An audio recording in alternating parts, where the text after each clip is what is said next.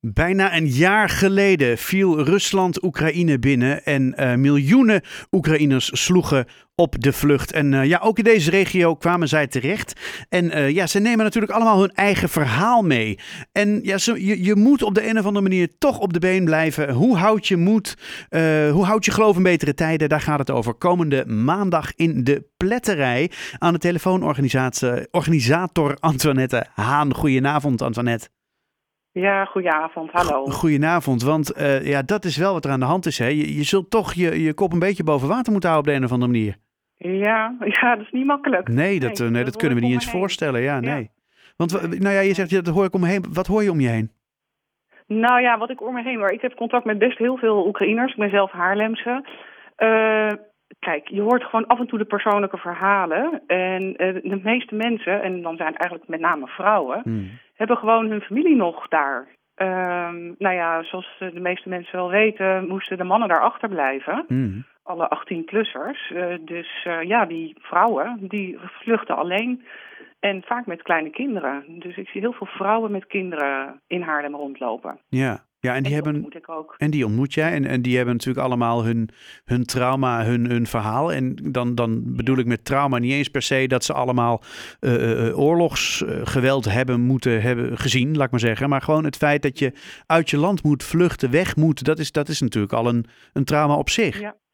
Ja, zeker. Nou ja, en ze hebben het overigens ook wel gezien hoor. Uh, ja, ja, ja, natuurlijk. echt uit gebieden ja, waar de, de steden gebombardeerd zijn. Dus die hebben gewoon hun eigen appartement niet meer.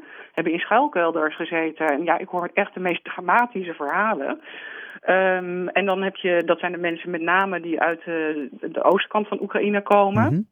Maar dan heb je natuurlijk ook mensen uit meer het midden, Kiev, uh, en andere steden. En ja, die zien natuurlijk ook alle be beelden. En bovendien is Kiev natuurlijk ook echt een aantal keer echt wel getroffen. Mm. Dus om heel eerlijk te zijn, hebben ze zelf ook echt wel die oorlog meegemaakt. Toch? Ja, ja, ja, nou ja, goed. Uh, ik, ik, wil alleen maar aangeven dat het, dat het zeg maar de, de hele breedte, het is sowieso een trauma. Ja, absoluut. Ja. absoluut. Ja, en ook, uh, want uh, de, ja, dat doen we dus ook. We nodigen ook mensen uit die al in Nederland woonden, Oekraïners. He, dus iemand uh, die heeft hier een half jaar gewoond voordat de oorlog uitbrak. Nou, iemand ook die hier al drie jaar woonde. En die mensen hebben gewoon ook hun familie nog daar. Uh, broers die aan het front vechten. Ja, dan denk je, ik woon al in Nederland. Of in Haarlem in onze situatie. Of Heemstede, hè, mm. we halen ze overal vandaan hm. naar de pletterij. Mm -hmm.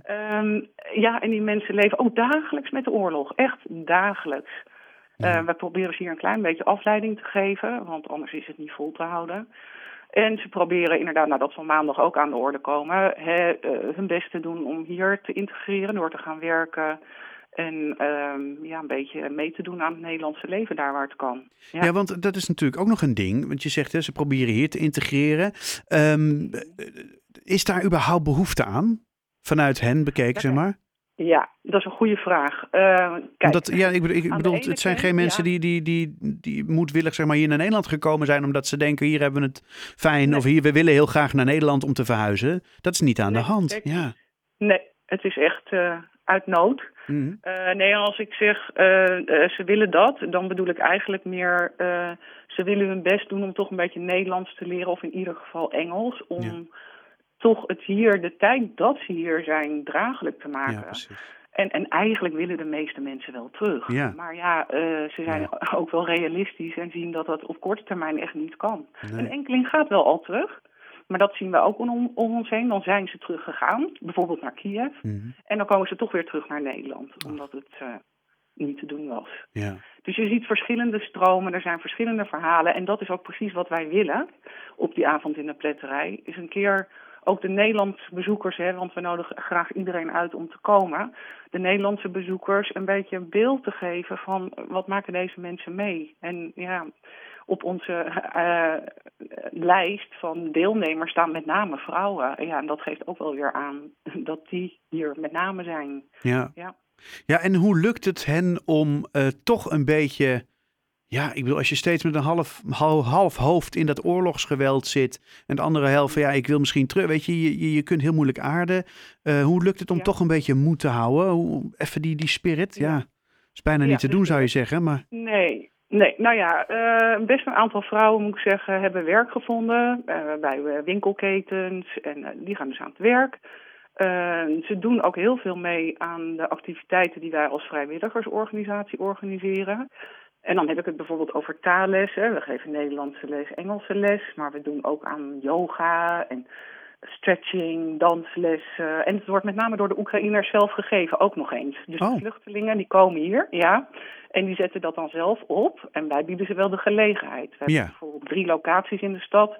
De Immanuelkerk in Haarlem-Noord, het Badhuis in de Leidse buurt. En dan hebben we de Nazarenerkerk nog. Hm. Ja, en je ziet allerlei initiatieven ontstaan. Ze gaan met elkaar zingen, we hebben een paar koortjes. Ehm, ja, dus ik zie ook wel dat ze heel erg hun best doen om wel de moed erin te houden. Ja, wat ongelooflijk krachtig. Ja, ja. Nou kan je nog een voorbeeld noemen. We hebben ook een, eh, een zangeres, hè, die treedt ook op maandag. Mhm. Dana heet ze. Zij is uit Kiev gevlucht, was daar eigenlijk presentatrice voor de televisie. Uh, zangeres dus ook. En zij wilde gewoon in Haarlem haar mensen gaan helpen door als tolk te fungeren. Hmm. Zij spreekt goed Engels en Ja. is nu dus tolk bij het Rode Kruis. Ja, dit soort zaken. Nou, kun je nagaan. dat zie, denk ik wat goed. Ja, Maar het is toch ook bijna niet voor te stellen, hè? Dat, dat de, de, bij wijze van spreken de Chantal Jansen van Kiev, ik noem maar wat, hè? zangeres en presentatrice, precies. bekend van Ja. tv alles. Ja, die, die is dan hier, eh, ja, ik zeg het misschien heel oneerbiedig, maar dat bedoel ik natuurlijk niet zo, hè? Maar gereduceerd tot Mhm. tolk van, van de rode, snap je? Het is nou, bizar. ik een voorbeeld geven. Ja, want de pianist die gaat optreden, Fjodor, Mhm. die woont op het moment in het Ambassador Hotel in Haarlem Centrum samen met zijn moeder. Zijn vader zit dus nog in Kharkov. Eh, en ik was laatst bij ze, omdat ik hem een beetje op weg help met, eh, nou ja, ergens op piano's kunnen spelen en zo. Mhm. Eh, en toen vertelde zijn moeder ook, dat wist ik helemaal niet, dat zij in Oekraïne actrice was. Hmm. Ja. En dat is precies een voorbeeld wat jij net gaf met Chantal Jansen. Ja, ik ja. Nu zit zijn moeder hier een beetje, nou ja, Voor zich uit te staren, te wachten tot je Ja, weer terug kan. precies. In de hoop van betere Ja. tijden. Nou, het, het, het, het, het, ja, het fascinerende verhalen, indrukwekkende verhalen. ehm, verhalen van, eh, van, van hoop. Van, nou ja, toch, toch proberen er het beste van te maken. Maar met elkaar in deze pittige tijd.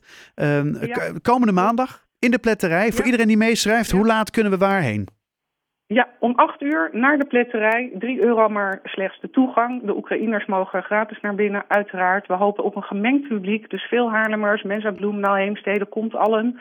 En eh, kom luisteren. En ook nog naar de muziek, hè, want er is ook pianospel en eh, een zangeres, waar ik net over had. Mhm. En vooral ook om inzicht te krijgen en contact te maken. Ze spreken Engels, je kunt erg makkelijk met ze communiceren. Dus eh, wees welkom allen. En bovendien hebben we trouwens 24 februari, dat is echt de dag dat de oorlog uitbrak Ja. Hebben we in het patronaat ook nog een hele bijzondere voorstelling. Eh, dat is een muzikale documentaire therapeutisch project van Warnia Kania. Ehm, dat is te vinden op de website van het patronaat. En daar nodig ik ook heel veel mensen voor uit. Want deze mensen zetten zich in eh, als muzici om zich eh, te verdedigen in Oekraïne. Dus wij hebben twee belangrijke projecten komende week, maandag en vrijdag, om iedereen in Oekraïne te steunen en te helpen. Want juist in deze periode, in de aanloop naar één jaar oorlog, zijn ze extra gevoelig en nou ja, alle steun is welkom. Nou, waarvan akte. Antoinette Haan, dankjewel. Fijn dat je het hebt georganiseerd. En eh, nou ja, we, we, we, we komen er allemaal naartoe. Kan niet anders. Heel fijn. Alright. Tot maandag. Tot- tot maandag. Fijne avond. Dag.